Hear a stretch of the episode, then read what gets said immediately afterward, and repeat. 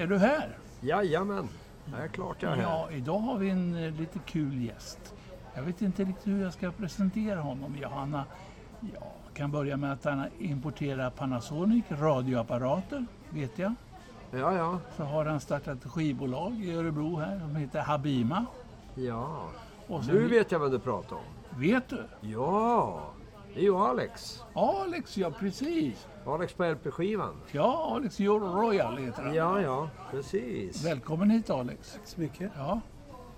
Var ska vi börja tycker du? Jag vet inte riktigt. Det är Ja, svårt med Jag dig. vet inte var man ska börja. Var börjar du din nöjesbransch om man Om säger, vi säger så? så här, det var en kompis till nöjesbranschen blev så att det var en kompis till mig som heter Bengt Ulan. Ja, Vi var med Whisprings och det här är tidigt 60-tal, det måste vara någon gång 63, 64. Du menar storbandet? eller? Storbandet, Ja. 18-mannabandet Whisprings. spelar du då något Nej, instrument? nej, däremot så tyckte, ville de gärna ha någon som hjälpte till med instrumenten och stötta upp dem. Och det var ju två högtalare, en förstärkare och ett trumset och några mickar. Var ju världens lättaste Då jobb som roadie. lite- Ja visst, visst. Och det var jättekul och så gillade både han och jag att dansa så fick vi gå in gratis. Aha, ja. Och eh, sen tyckte jag var ganska kul med musik överhuvudtaget. Så ärligt talat så kommer jag ihåg i ungefär i samma veva så kommer en kille som heter Olle Askelund, trombo, även kallad Trombon-Olle, ja, just ja. som då var bas för hela orkestern och ja. frågade, vi pratade om att de hade dåligt med jobb. Okej. Och då hade jag några bekanta, Baldakinen bland annat och Lorry. Ja. Så att vi fixade jobb åt dem där. Ja, ja. Och sen eh, blev det fler och fler orkestrar som vände sig till oss. Och på den vägen vart det. Och då bildade vi ett företag som hette Royal Prisma Production. Oj, oj, oj, det där lät ju... Det lät bra. Det lät stort. Jajamän. Mycket stort. Ja, mycket stort. Och sen fick vi tag på en liten lokal på Restalundsvägen där vi hade vårt kontor. Jaha. bestående av två källarrum. Inga fönster men med potatisluckor. Så där tog vi bort dem och så satte vi dit fönster så vi kunde få lite ljus in där. Ja, ja. Det är fantastiskt. Och på den vägen blev det, vi fick upp fler och fler orkestrar. Vi hade runt ett 20-tal orkestrar som vi hade. Bland annat ni som känner till, eh, det var T.S. People Ja. och eh, som jag sa Whisprings och var Nintett. Det var, ja, jag kommer faktiskt inte ihåg alla. Ja, ni var ett litet sånt här Ja, managementbolag. ja, eller produktionsbolag, vilket vi vill. Ja. ja. Så vi fixade jobb åt dem. Du är lite blyg nu. Du jobbar lite med Lasse Stefans. Ja, det vart ju senare. Ja, Det vart senare. Det var någon gång på, ja, eh, efter 66, 67 någon gång. Ja, ja. Då började vi med att göra eh, skivor. Då var vi i Kumla. Jag hade min första skivinspelning var en singel. Vi hade köpt en filvipsbandspelare. Där det var stereo, det vill säga i micken var det två delar. Det var Ja. stereo. Och där spelade vi in den första på en vind. Orkester som spelade. ja, ja, ja. Och sen fick vi reda på att då var det några fler som ville göra inspelningar så då hade vi en studio i Kumla som en kille som heter Bengt Andersson hade. Och En fyrkanals eh, stereo han hade. Och där spelade vi in ganska många skivor. Avancerat på den tiden. Man pratar Mycket. fyrkanal Ja visst, visst.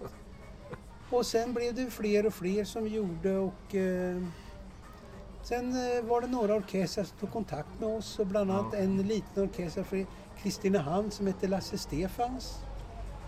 Ja, ja. ja så de då känner jag inte till. Nej. Så de tog kontakt med mig och vi pratade. Jag var i Kristinehamn, Kri- Kristianstad, förlåt mig. ja jag tänkte Ja, Kristinehamn. det blir det. Blev de värmlänningar helt De blev plötsligt? värmlänningar helt plötsligt. Var jag där och hälsade på dem och det var småpojkar. Och jag sa kom upp till Örebro så gör vi en inspelning. Och då gjorde vi en eh, singel. Och eh, den singeln har jag kvar fått ut av eh, vad heter det, Warner Brothers. Allting blir inskrivet. Och eh, där var det en låt som vi jag skrattar, jag kommer faktiskt inte ihåg. Kanske. Ja, jag frågade er om jag henne en godnatt fick ge I hennes underbara ögon och mun jag svaret fick se Att svaret blev När jag med rädsla ut i rösten sa att Åh, vad jag älskar dig. Du får ej släppa mig. När du mig din kärlek gett I dina ögon jag sett. Du är det bästa som hänt. Nu har du min kärlek tänt. Nu har jag äntligen fått Det jag aldrig nått.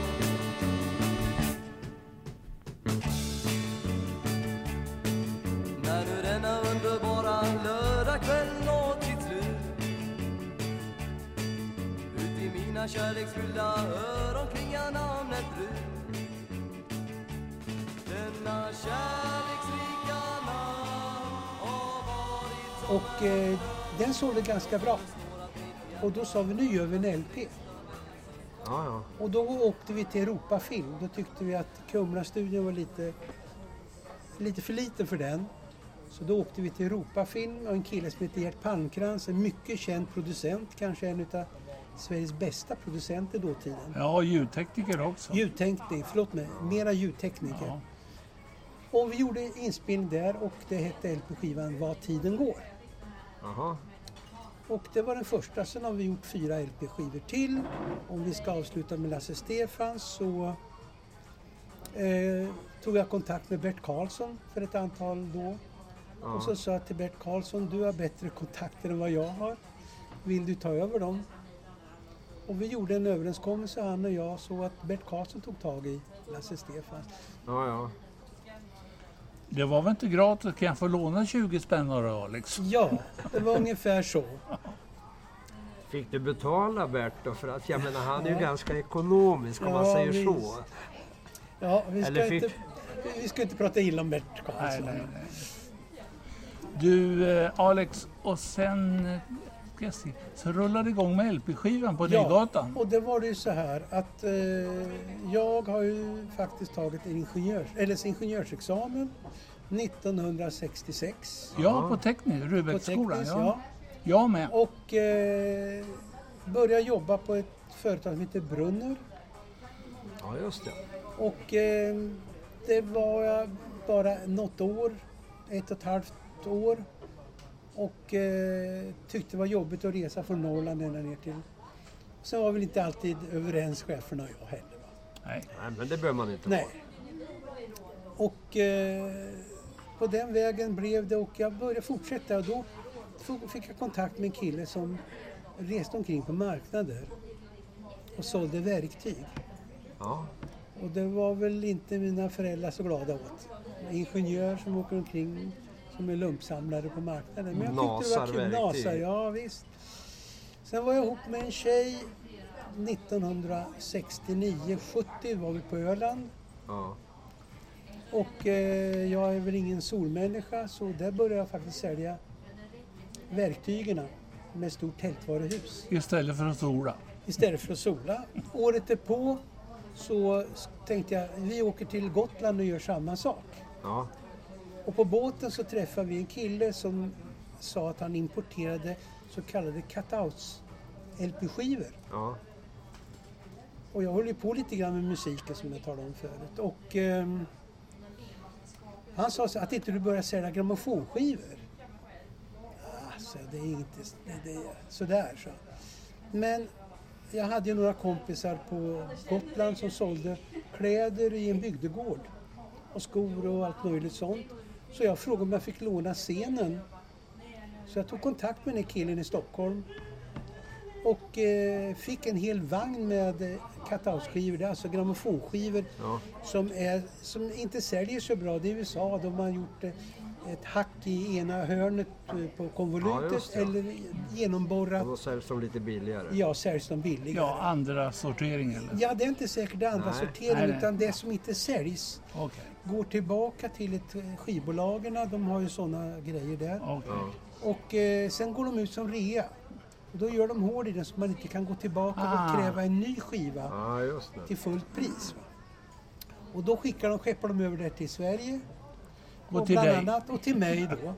Och jag tyckte det var så kul med grammofonskivor så jag bestämde mig för att när jag kommer till Örebro hem igen, då ska jag öppna skivaffär.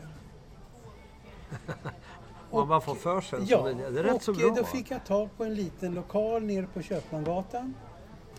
Slängde upp ihåg. de där grammofonskivorna Mitt inne i stan. mitt in i smeten och sålde i stort sett ingenting. Sålde första, eh, på lördagen öppnade vi den 17 november 1973. Ja. Sålde första dagen för 530 kronor och på måndagen för 18,50. Men jag fick ingen skiv... Jag, jag försökte ta kontakt med skivbolagen. Men skivbolagen sa att du måste köpa så pass mycket. Det hade jag inte råd med. Nej. Så det var en 20 skivbolag och var och en på den tiden ville att man skulle köpa för 4-5 tusen. Ja, Och jag tyckte jag inte hade råd med det. nej, nej. Men så har jag min hustru och jag, vi satt kom konditori Mecka. Ja, absolut. Bara en och en halv, två veckor efter jag hade öppnat så sitter vi på Mecka och plötsligt så kommer det in en kompis till min fru.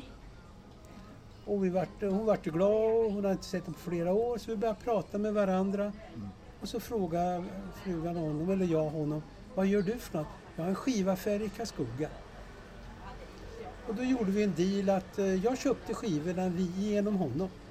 Ja. Och var på det viset jag kom igång. Och till slut så hade jag så pass mycket skivor så att eh, skivbolagen accepterade mig som kund.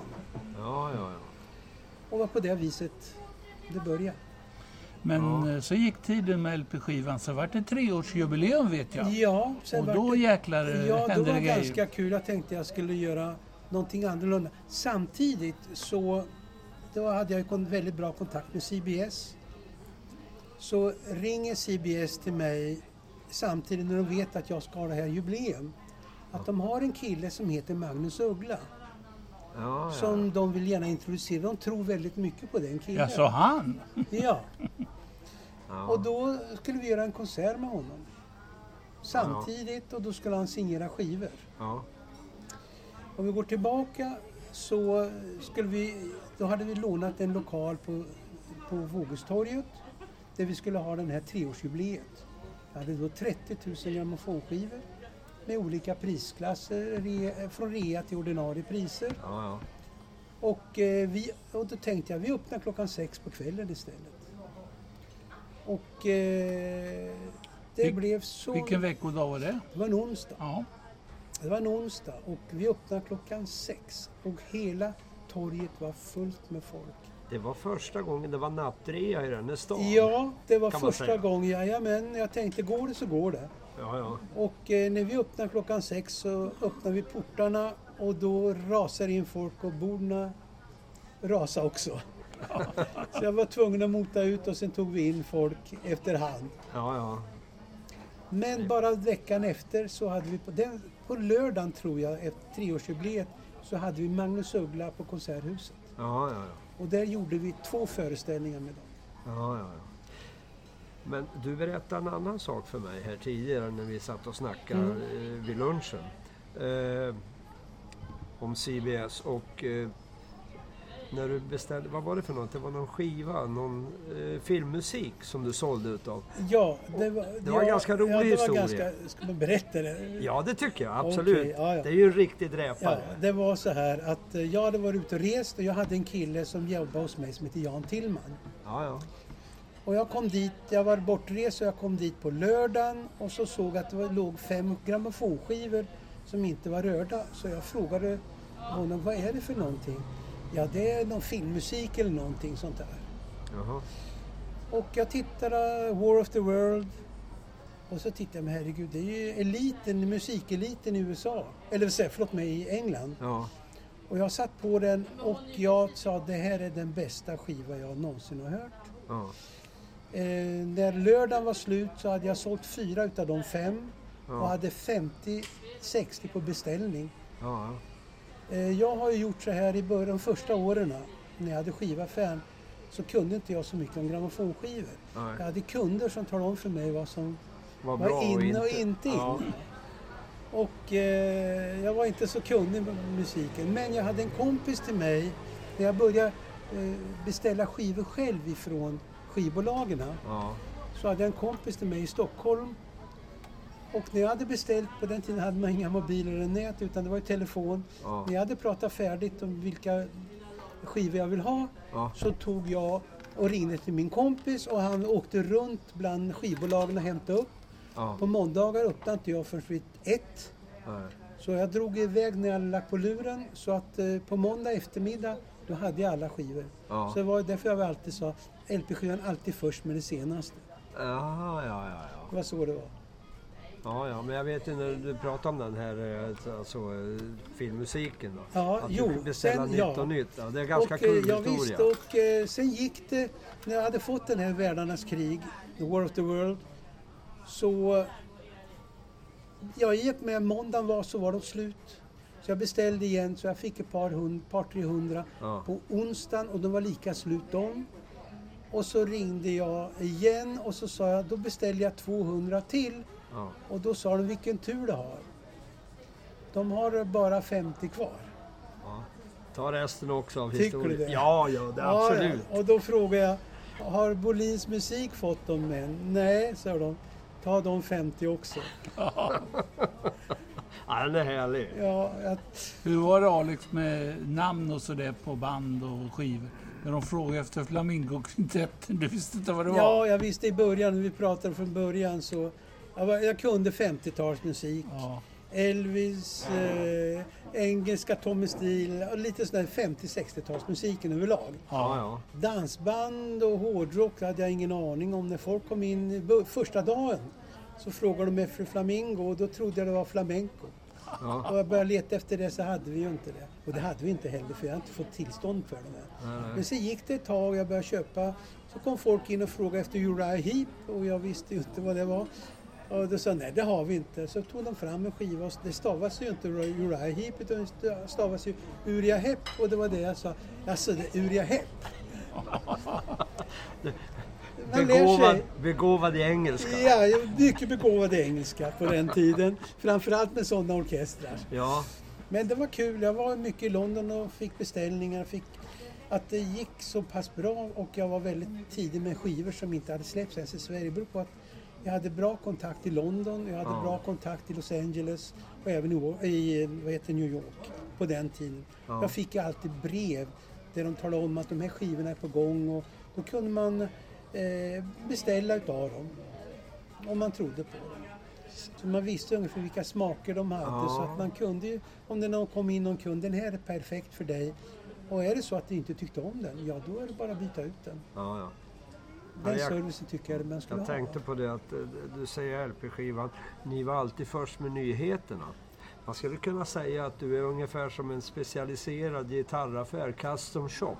Alltså, Liksom så att, förstår du? ja, ja du visst. låg ju lite före och det fanns det, det, det, det inte de andra hade, det hade Det du. hade jag ofta. Ja. Jag, sen måste, finns det... Ja, du kanske har någon grej? Ja, jag har en jag fråga måste berätta en ganska rolig grej. Mm. Eh, jag kom inte på den förrän jag var på eh, jazz, eh, blues, eh, vad heter det, nere på sen. Clarion. Ja. Så kommer en kille fram, vi satt och pratade, en sån, vet du, sa han. Och då kom jag ihåg att jag hade en kompis till mig som bodde, som jobbade i Iran. Och när han kom hem så hade han glömt att köpa en skiva som han ville. Så han kom in till mig Ja. och frågade om jag kunde fixa den här skivan. Ja. Och jag kollade med alla skivbolagen och ingen visste vad det var för någonting. Så jag tog sonika och ringde till iranska ambassaden. ja. Och efter en månad så kom skivan. Ja. Fantastiskt. Om jag betalade för den eller inte, det kommer jag faktiskt inte ihåg. Nej, men men det det, berättar killen att det hade jag fixat och Ja, då ja, kom jag ja. på hur jag hade fått tag på den. Ja, du ser det, du var ju en custom shop. Ja, det var ganska kul. Men det finns en annan fin historia som du har varit inblandad i.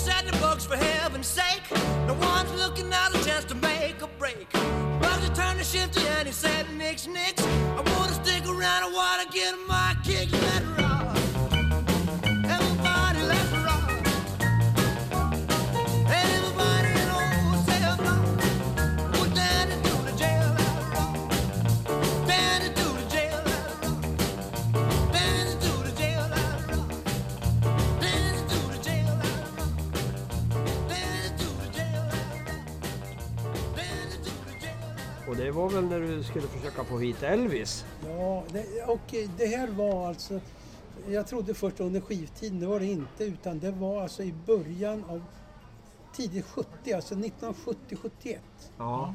Så hade jag, hade Wanda Jackson hade jag haft här. Ja. Och det var, hon hade blivit för, eh, hittagen och då hade jag konsert. Det var någon som frågade mig om jag kunde ta, fixa hit henne till Ja. Örebro, och vilket jag gjorde. Ja, jag tog ju hit Wanda Jackson Ja. eh, till Örebro.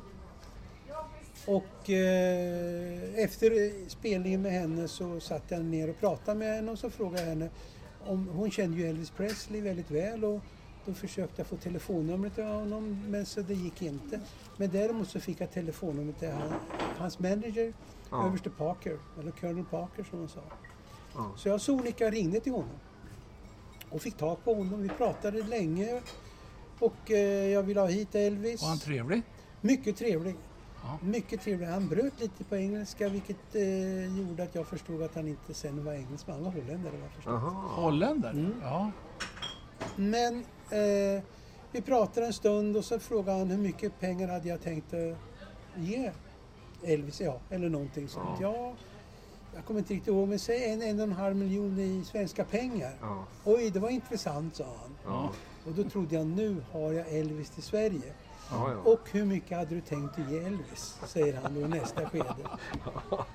Och där small den ballongen.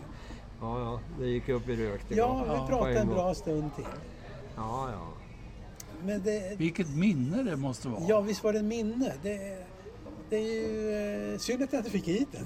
ja jag Ja. tyckte bara liksom att eh, idén att du tänkte, ja men här är Wanda Jackson, jag kan väl ta med Elvis också. Ja, vi, visst, vi ja. kör ni ändå på gäng, Ja, visst, alltihopa. De är ju därifrån allihopa. Ja, Men du Nej, vet visst. inte många som har pratat med Colonel Parker, det kan Nej, jag men jag fick tag på honom. Det var inga konstigheter. Utan direkt när jag ringde Ja. så svarade han direkt. Det var ingen eh, att jag var tvungen att vänta någon växel eller någonting. Nej, utan nej, nej. Jag kom direkt till honom. Det var samma sak om vi tar en parentes. Jag ringde till Lee Hazelwood. Då kom jag direkt till honom också. Det, var inga, det fick jag utav skivbolaget. Ja, för jag ja. ville göra en, skulle göra en låt eh, översätta till svenska. Ja. En utav hans låtar. Och Torgny Söderberg, det känner ni till. Lasse Ja. Holm Torgny Söderberg. ja, ja. Han hade gjort, eh, då hade jag kontakt med honom. Och då eh, gjorde han en svensk text på en låt som heter The Girls in Paris. Ja, ja, okej. Och eh, den hade en ren översättning stämde liksom inte med svensk. Nej, nej. Säger. Flickorna i Paris är så vackra och sköna. Då hade det kanske gått bättre. Idag är han ju stor. Lasse Ja, ja. Holm och... Jo, jo, absolut. Jag du, tänkte, jobb, du jobbade ihop med Rolf Ingham också lite Ja, grann? i ja, Roffe, det var ju så här att eh, Roffe hade ju också mycket att, att greja med. Så han hade ju en Mats Bar och Gunilla av Halmstad och några stycken till Ja, som ville att jag skulle fixa jobb åt dem. Gunilla Ja. lyckades ju aldrig fixa något jobb åt men, men eh, vad heter det, Mats Bar, ja. en ja, riktigt ska rolig vi kille. poängtera Gunilla Han- Halmstad var en strippa. Hon var strippa, ja, ja, visst. då vet vi det. Ja, och eh, det klarade jag inte riktigt av. Nej, Eh, däremot har jag ju sett henne, så det var hon och ormen. ja, men du är ju, Ja. du är ju moralens väktare så Ja, det är bra. nästintill ja. Ja, visst. Sen började jag med video och då var det något annat i källaren. ja, ja, ja. Moralens väktare. Det får du klippa bort. Det hade man också tur. Jag började ju, var ju tredje i Sverige med video också. Videocaféet på Stortorget vet jag du hade. Nej, jag hade i källaren. Jag, när jag började video På Nygatan på alltså? Nygatan. Ja. Mm. Då började videon ta över handen utav skivor. Ja. Plus då att jag ville gärna ha skivor i lugn och ro. Så då fixade vi ju en eh, trappa ner. Mm. Och där hade vi ju skivavdelningen. Ja, ja. Och där uppe hade vi. Ja, ja. Okej. Så att... Eh, ja, vad ska man säga mera? Jag vet inte. Nej, Men på Stortorget, hade. vad var det då? Du hade video? Var det inte? Nej, då, sen var det 1985. Jag, jag tyckte väl att jag kanske skulle hitta på någonting annat. Ja, Och då fanns det ett eh, miniköpcentrum på Stortorget. ja. Och jag gick in sonika och så köpte jag ut de som var där inne. Och sen öppna som sedan blev kallad för Royal Arms men eh, under min tid heter det Starline. Jaha. Ja, ja. Men eh, där fick jag tyvärr ingen sprittillstånd. Efter en period så fick jag ju en månad, och, eller så här, åtta, dag, åtta kvällar per Månad. månad så fick jag ha för medlemmar öl och eh, spritutskänkning. Ja, ja. Men rätt som det var aldrig något bråk så vart det stopp. Nej, nej. Så att man, där avslutades min musik och restaurangkarriär. Hörru du. Alex, jag ställer en fråga till alla som är med i Poppodden Örebro. Har du spelat någonting själv någon gång? Nej, Nej. jag eh, försökte lära mig spela gitarr och jag kunde ungefär en 30 stycken ackord. Ja. När jag skulle använda dem ordentligt så blev det inte ens ett ackord. Du visste, du visste inte vad, vad, hur Ja, de hörde ihop inte- ens? Nej, högra, ungefär som piano. Mina, min pappa var ju pianist. Jaha. Jaha. Så att, eh, han var ju duktig sån, mest klassisk och storbandsjazz. Han Ja, kunde ja. faktiskt spela till grammofonskivor på den tiden. Mm, kunde ja, han sitta ja. och spela och klinka på pianot. Ja, ja, Och då försökte han få mig att spela. Jag kunde få fram melodistämman med ena handen. ja. Men när andra handen kom till då vart de inte... Det är som politiker, högra handen Ja. vet Ja. inte vad vänstra gör. ja. Nej, Ungefär så är min musikkarriär. Ja, ja, men du är i alla fall musikintresserad. Och det mycket, har ju, det är Ja. fortfarande. ja, Ja. och det har ju fört med mycket till den här stan kan jag säga. det är kul det att jag kunde bidra med någonting. Absolut. Jag satt och tittade här på lite kort och jag ser här utanför RP-skivan på Nygatan då när ni hade något jubileum. Det står Whisperings här och hela gatan är fylld med folk. Mm. Så att jag försöker illustrera för alla radiolyssnare vilken eh, enorm folkmängd det var. Där ser man gamla bekanta ansikten då liksom från en del finns med oss och en del finns inte med oss. Nej, det är ju Så så. att vi inga Tiden, namn där. tiden rinner iväg och Ja. med den följer ju även och vi gamlingar. Så Men när du växte upp då, eh, det var mycket musik hemma i alla fall? mycket, det var my- mycket, mycket musik. Första gången jag kommer ihåg då hade vi en, en sån här vevgrammofon och pappa Ja. hade mycket klassisk och storbandsjazz. Ja. Och eh, det kunde man höra och rätt som det så sackade den där skivan av. Hade du syskon också? Nej, inga Nej. syskon. Nej. Och sen så, eh, om vi kan nästa period när vi flyttade i Baronbacken, då köpte pappa en grammofon Ja. men la 10 Och det var ju tre olika hastigheter om du kommer ihåg. Ja, jag kommer ihåg. 33, 45 Fem. och 78. Just. Sen la man 10 skivor på varandra. Ja. Och, Och skivväxlar. Ja, visst, visst. Det var annorlunda tider och eh, det var då jag faktiskt fick reda på att pappa var duktig pianist. Jaha. Om vi nu ska prata om föräldrarna så när vi kom till Sverige, så även Italien då, så kallade alla honom för Tosca. Kom ni efter kriget då eller? Ja, efter kriget. Vi kom 50, men vi kom till Italien på... Pappa var ju, hade ju TBC. Så han, vi kom till Italien... Ja, vi hade bott där i alla fall tre, tre och ett halvt år. Det var inte, ni satt inte i några naziläger eller något Jo, pappa och mamma satt i naziläger. Åh, fan, Var då? I, I Belsen. Belsen? Mm. Oj. Men eh, de överlevde ju. Ja. Pappa var ju sjuk, mamma var nog sånär. Och, eh, sen, och alla kallade pappa för Tosca. Och vilket jag inte begrep. Han hette Josef. Ja. Vilket jag inte begrep. Varför de kallar honom för det. Och likadant när vi kom till Sverige här. Så kallade jag honom också för Tosca. Det var likadant här. Men sen plötsligt, när just när vi hade flyttat till Baronbacken, han satt och spelade piano. Ja. hade ju inte sett honom spela piano innan. Nej. Nej. Så när jag hade köpt pianot eh, då, då förstod jag att eh, han hade, när han hade varit i Italien, han, så fort han hade sett en piano eller flygel han satt sig och spela. Och den gången han hade satt sig och spela, ingen kände visste vad han hette. Nej. Då frågade de vad spelar du? Jo, jag spelar ouvertyren till, till eh, vad heter det, operan Tosca Ja. utav Puccini. Och i och med att de inte visste vad han hette så blev det namnet Tosca. Det följde Ja. med honom hela tiden. Ja, ja, det är rätt så kul. Ja, Det var ett smeknamn, inte ja, ett inte öknamn. ett, eh, nej, inte ett öknamn. Jag sitter och tittar på ett kort här. Nu läser jag på baksidan. LP-skivan 1974, Nygatan 15. I dörren står Alex Royal. Ja, Och då ser jag någon Starsbruk. liten figur med en riktig sån jävla Polen-mustasch. Ja, vet du, ja, visst. Och utsvängda brallor. Ja. Kan det vara du? Ja, det är det säkert. Och lite 30 kilo lättare. Eller Ja. lättare. Ja. Så går man in och läser ännu mer här på den skit så ser du... Kan du läsa vad det står där? Du som är så bra på engelska.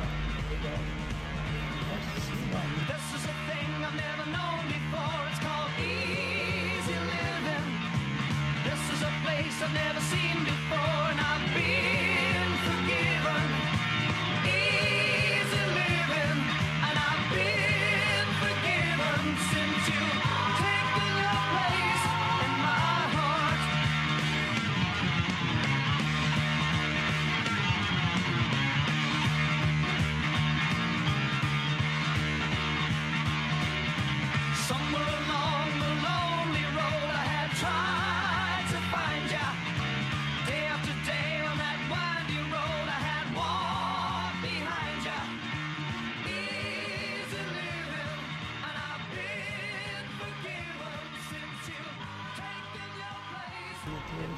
Jag tror att det är Uria Hepp. Är det ju Epp? Ja. Ja. ja, jag vart så glad. För den 29,90. Första... Ja, just det. Jag tror det var U2. Ja. ja, men det är lite roliga episoder. Det finns Ja. säkert många roliga som man inte kommer på just nu som har hänt. Va? Så att, Det var ju synd. Men- jag väl om du får bläddra lite. Ja, jag berättade lite grann förut om, eh, vad heter han, eh, som vi pratade om. Ingam. Nej, eh, sångaren. Som vi, nu ser ni, vad är namnet igen? Så vi sa att jag hade träffat honom, jag, Bengt Ulander var på Ja, ja, ja, Emil Ford. Emil Ford. Ja. Ja, det, Det, berätta jag också. om. Ja, det kan vi. Då kan du klippa bort att jag inte kommer ihåg vad han heter. Ja, det spelar ingen roll. Jo, det var det ju så här att eh, jag och min kompis Bengt Ulan, Ja, vi hade varit på Gustavsvik. Och eh, på den tiden var det inte väldigt mycket svarta här i Örebro. Och eh, Nej. där satt en jättetrevlig kille. Och eh, vi hade jättekul hela dagen. Vi var nästan hela dagen på Gustavsvik och badade och hoppade. Och alla tjejer och killar med för den tittade på honom. För han såg bra ut. ja, ja. Och vi trodde väl det var det som var orsaken. Du menar att ingen tittar på dig? det tror jag inte, de han väl inte. det var ingen som ville titta på mig inte. Nej men så eh, pratade vi med honom och så sa jag, fasen sa jag, att ikväll är det Emil Ford som ska uppträda. Och fasen, vi har inte råd. Då säger killen, ja men du, jag kan fixa biljetter åt er, det vore jättekul. Och ni kom dit, ja då sa han, kommer ni ner till luckan där så säger ni bara era namn så får ni biljetter. Ja. Mycket riktigt, vi gick dit. Ja. Och eh, det var jättebra platser fick vi. Var var det någonstans? Det var, var det Idrottshuset? Ja, det jag tror det var vara. Ja, Idrottshuset. mm. Ja, när vi satt oss ner och plötsligt så kommer Emil Ford in och det var den killen som var min idol som vi umgås med hela dagen. Du hade inte känt igen honom? Inte känt igen honom. Ändå hade jag singeln.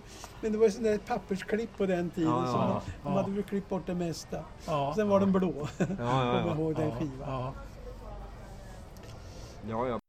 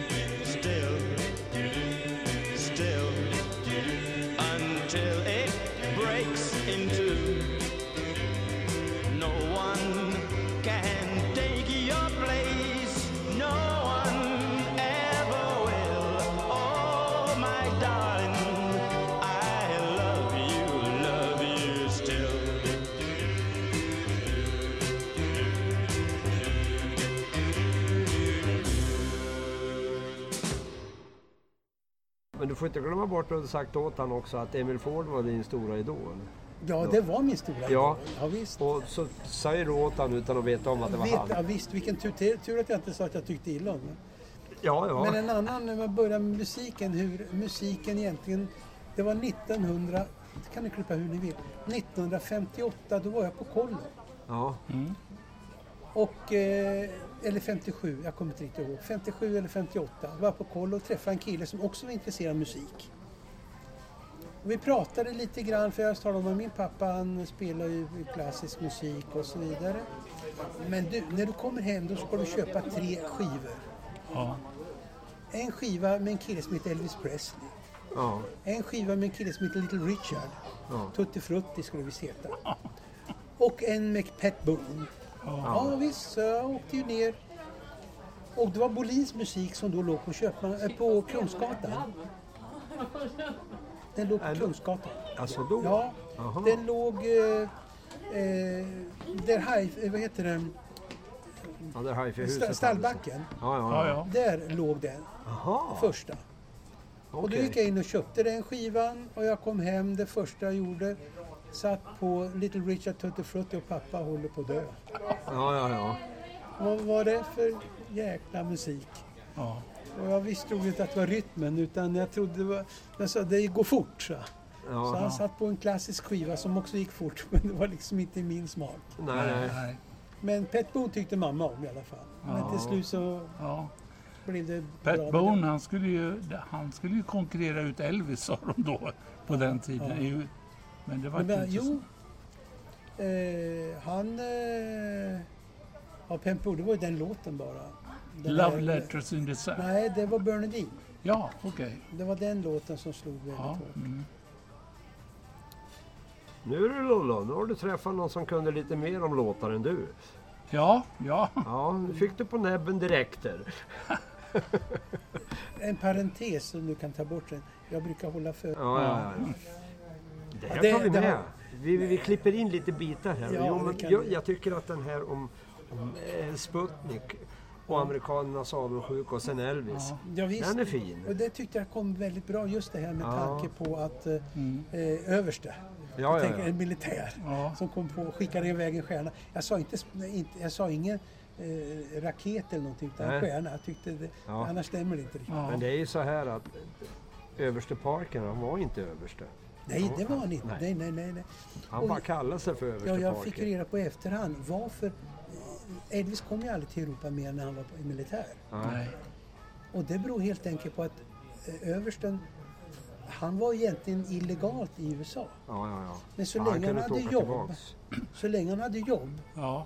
och det hade han genom Elvis, Ja. så eh, vad heter, kunde han vara kvar. Så han följde med Elvis överallt. Så att det var egentligen lite otäckt. Elvis blev, alltså var ju, han kunde inte göra vad, som, vad han ville. Va?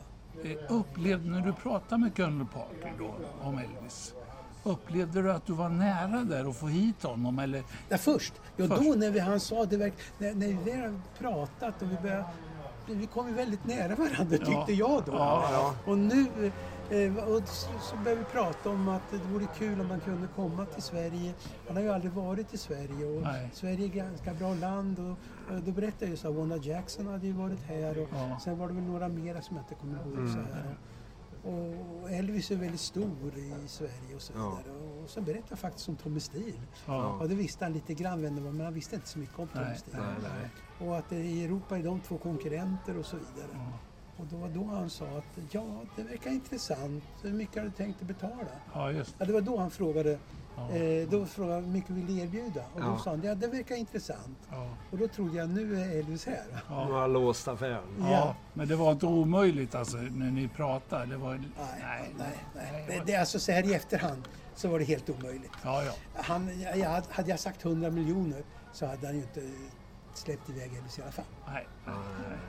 För så mycket pengar eh, har man inte råd att släppa hit en sån kille Nej. för. Men just, jag, jag tycker bara ju- just den här... Ja, det låter ju väldigt bra, men hur mycket ska Elvis få? Ja visst. Det är, alltså, det, det är ganska roligt det där. För jag, ja, det stod faktiskt i Neke han också om den här situationen. Ja. Så att, eh, ja, det var kul. Det, Men har du varit med om någon mer sån här, eh, alltså kanske inte Elvis-grejer, men typ någon sån här där de har... ja, vi, jag och en kompis Och där du har Peter blivit liksom lite förvånad över svaret, om man säger så. Med någon artist inte, då. inte vad jag kommer ihåg så här, måste jag erkänna. Nej. Inte vad jag kommer ihåg. Att den är ju svårslagen. Ja, jag tycker den är så pass bra. Men däremot så, så om vi nu pratar andra. du vet, Jag berättade att det var ett inbrott. Ja, Alla mina skivor ja, som jag producerat, både singlar och LP-skivor, ja. blev ju bestulna. Till och med, vad heter det, eh, mastrar. Ja, ja, ja, ja. Och eh, bara för några år sedan så tog Warner kontakt med mig ja. och frågade om jag hade mastrar. För de skulle göra en album med 43 skivor i, på CD med Lasse Stefans. ja. Ett jubileumsalbum. ja. Och jag sa tyvärr, tyvärr har jag inga. Men jag har ju eh, några LP som ni kan få spela av. ja. Och så har jag skickat iväg. Men så fick jag faktiskt hela deras album med 43 skivor och mina fyra första. Ja, men vad kul. Ja, men det låter Så att, jättebra. eh, men tyvärr inget mera. Men det kom aldrig till rätta det här med Nej, inbrottet. nej, ingenting. Inte ett dugg. Men vem kan ha nytta av det idag? Eller då? Ja, de sålde, alltså banden, jo det var det jag skulle vilja. Kommer du ihåg Åke Wahlström? Som var Nej. journalist på ÖK. Örebro-Kuriren. Nej. Nej. Han var i alla fall i, och intervjuade Elvis i 48 timmar. Aha. Och då fick jag, han var ju inte Elvis-fan, det var jag. Nej. Så jag fick ju det bandet. Ja. Ja. Där han pratade och grejade, för han sov ju ingenting på den tiden. Nej, nej. Eh, och den blev ju också stulen. Och förmodligen har de eh, bandat över det bara. Det var så här Ja. rullband. Ja, ja. Och där de, visste, de som snodde, de tog det de tog. Det, allting var tomt. Jag, jag Ja. kom in i en tom lokal. Alltså, precis som jag inte hade flyttat in ens. Nej, det är sjukt. Varenda, då, då åker de omkring och säljer de här skivorna någonstans. Och, Ja, jag menar Lasse Stefans var ju ganska stora på den Ja, tiden. Och alla andra skivor som följde med. Det var ju några av dem som jag visat här. Som jag har producerat som också stals. Så att, nej, det är som det ja det är sådana Det är saker. historia men det är inget roligt. Nej, men du hade en massa andra roliga historier och det får vi vara glada för. Ja, kanske har fler fast det kommer ta en annan gång. Ja, absolut. får vi skriva får ner det. Precis. Vi får avrunda det här Ja. idag med att Ja. tacka dig.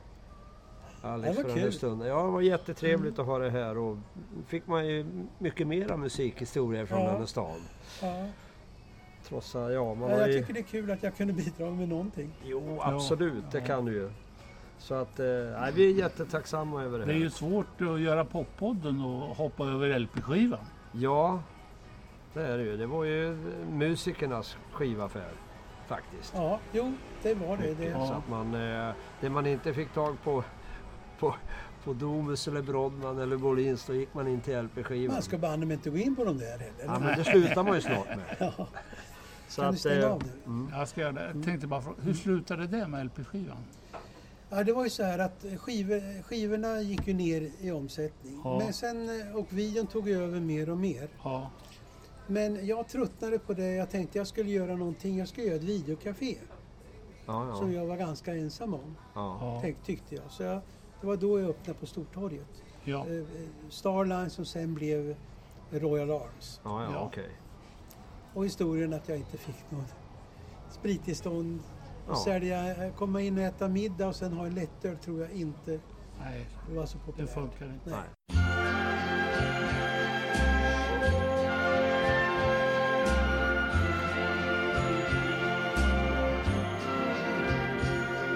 Strangers in the night, exchanging glances, wandering in the night. Were the chances we'd be sharing love before the night was through? Something in your eyes was so inviting, something in your smile was so exciting, something in my heart told me I must have you.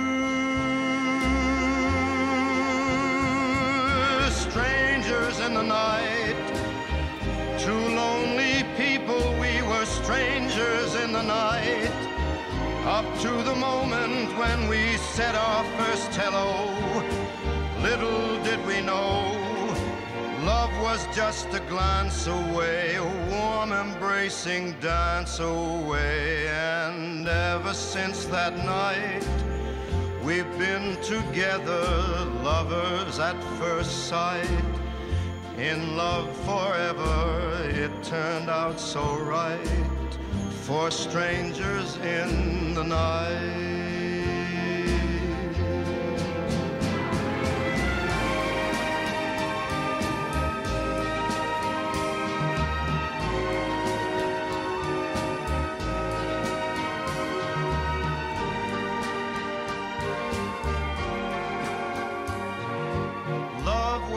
Just a glance away, a warm embracing dance away.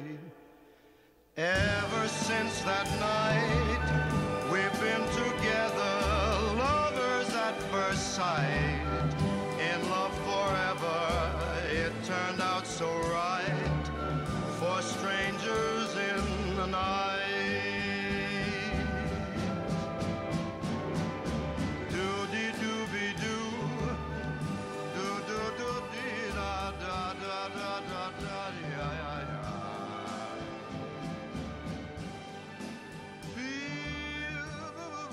Kan prata om en kille som jag faktiskt, som var en, ett original här i Örebro. Som heter Åke Forsberg, kommer ni ihåg honom? Ja, Åke med med- radion. Åke med radion. Ja, han sprang omkring och Och, lyssnade. ja, visst, han lyssnade ju bara på amerikansk... eh, På, hans radio gick bara att lyssna på amerikansk storband. Ja, Det ja. gick han omkring med och sjöng också med det. Han var bra Och- sångare va? Mycket, mycket bra. Hade han Ja. eh, sett lite bättre ut, jag har två grejer med honom. Ja.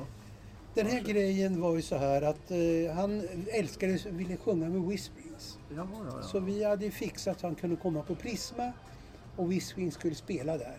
Okej. Så vi var nere på Rubensgatan och sen hyrde vi en smoking åt honom. Eh, Åke var ju väldigt duktig tecknare. Han på alla raggar och alla knuttar på Järntorget gick han ju fram och målade på deras ryggar och gjorde skyltar och allt möjligt sånt där om ni kommer ihåg det. Ja, det vet jag. Mm.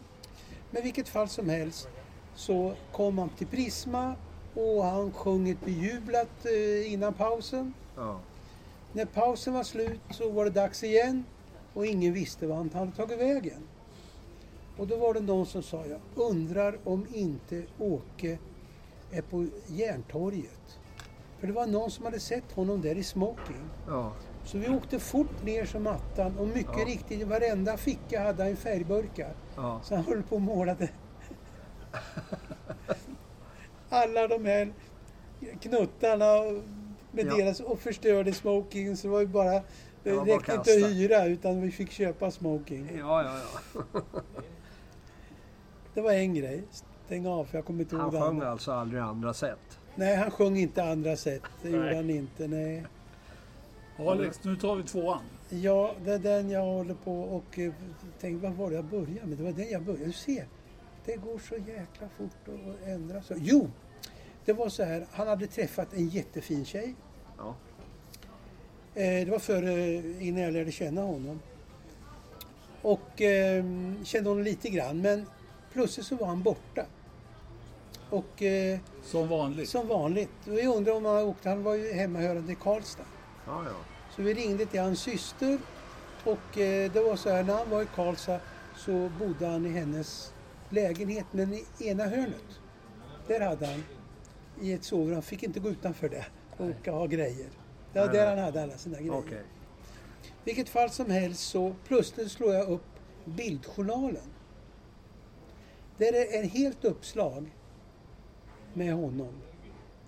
Där han hade, hon hade blivit au pair eller något liknande i London. Ja. Så han hade fått så efterlängtan efter henne. Ja. Så han hade ju stuckit dit och eh, smugglat sig på en båt, hade inget pass eller någonting. Kommit in i London, blivit tagen av Scotland Yard. Ja, ja. Men de hade, och sen stod det en hel artikel om det. Men eftersom det var kärleksbekymmer så var Scotland Yard väldigt hyggliga. Så de skickade hem honom igen utan någonting. Ja, ja, ja, ja. Det är rätt fantastiskt. Det är fantastiskt. Ja, Det, det, han har alltid varit en riktig stjärna det där. Det där skulle man prova med idag, se hur långt man kom. Ja. Danmark. Nej, Dan, inte ens där släpper de inte in oss. Nej. Hans rock var som Columbus, kommer jag ihåg. Han var Columbo. Han var, det var efter, Columbo tog efter honom. Ja, Ja. Ja, men han var rolig. Och eh, på så, han eh, bodde hos mig i mina kontorslokaler och bodde han ibland. Och sen på eh, macken, SO-macken, var det det? En SO-mack eller BP-mack? Vad var det nere på, vid, eh, på Söder? ja det är kräman där. Nej, nej, alltså macken nedanför, bortom. Där McDonalds ligger nu. Nu pratar jag om det. Ja, själv. Själv kanske, okej. Där eh, hade han en husvagn. Ja. Men på sommaren så låg han på Gustavsvik. ja, just det. Och då var det ju så här att eh, det var väldigt mycket, vad heter det, tält. Ja. Sommartält där. Och sen åkte jag med en kompis. Vi flög helikopter över Gustavsvik och så sa de så här. Kan ni se var Åkes tält var? Ja, det går ju inte. Då, titta ordentligt, han. Och då var det så att han spände upp när han började, sen spände han inte upp den mer, sen hängde. Så man kunde se den Ja, ifrån luften. Ja, han var också ett original för sig. ja, ja, det finns, fanns några Ja, sådana han var där. trevlig var han också, så att det var inget ont i honom. Jobbar du någonting med Bibi Ander? Nej, Nej. ingenting. Ingenting. Däremot hade jag bra samarbete med Country Road. Ja. Ja. Och eh, vi har haft bra samarbete med Kai Klevik som ni hade intervjuat tidigare. ja. Ja. Han tillhör ju en Vad gjorde ni ihop, du och Kai? Ja, inte mycket, mer att vi hade ska vi se, bollar med varandra. Jag skötte ju mitt och han skötte sitt. Ja, ja. Men han hjälpte ju mycket mer Roffe Ingham. Ja, just det. Så Jo, det de två jag. var ju mera polare än Ja. jag och Roffe var. Så. Du var inte involverad i Stones då när han tog hit dem? Nej, det var jag inte. Nej. Nej. Men däremot så vet jag att eh, eh, Sjunne Fergus mamma, Ja. eh, Åse, och hon hade köpt ett nytt set, trumset till, för, för jag tror att eh, de var förband Ja, just det. det till var de. Rolling Ja, Stones. det var de. Vad Ja. heter de? Till eh, Blues Quality. Blues Quality var det, ja, just det. De var ju förband till honom. Ja. Och, eh, eller till dem. Och eh, där satt Mick Jagger, satt och spelade på trummorna. Och hon kunde ju bara norska. Hon kunde Ja. inte ens svenska. Om man nu ska säga det. Ja. Så hon sa till honom tre, fyra gånger att eh, du får inte spela på de här Nej. trummorna. Nej. Och han bara skrattade. Till slut så tog hon handväskan och så drämde hon till Mick Jagger över huvudet. Då började han skratta och så gick han därifrån. Gjorde hon? Ja, ja, det var en fin anekdot till. ja det var visst. en jävligt bra Ja. anekdot, absolut. Ja. Men det finns ju mycket. Vi, hade, vi pratade lite grann tidigare. Du har eh, Björn Sesam. Ja. Han var alltid slog vad med allting. Och han hade lovat att han skulle vara med i Bildjournalen på en helsida. Ja. Ja, ja. Och det visar sig mycket riktigt, ja det var han också.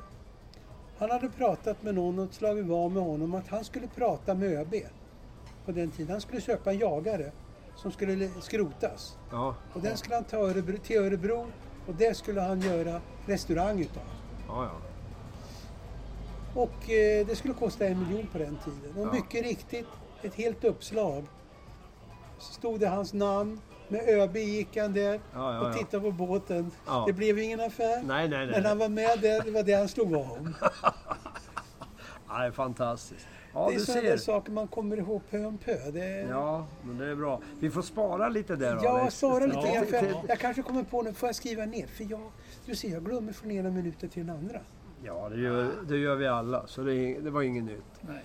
Än en gång, tack så hemskt mycket för den här stunden.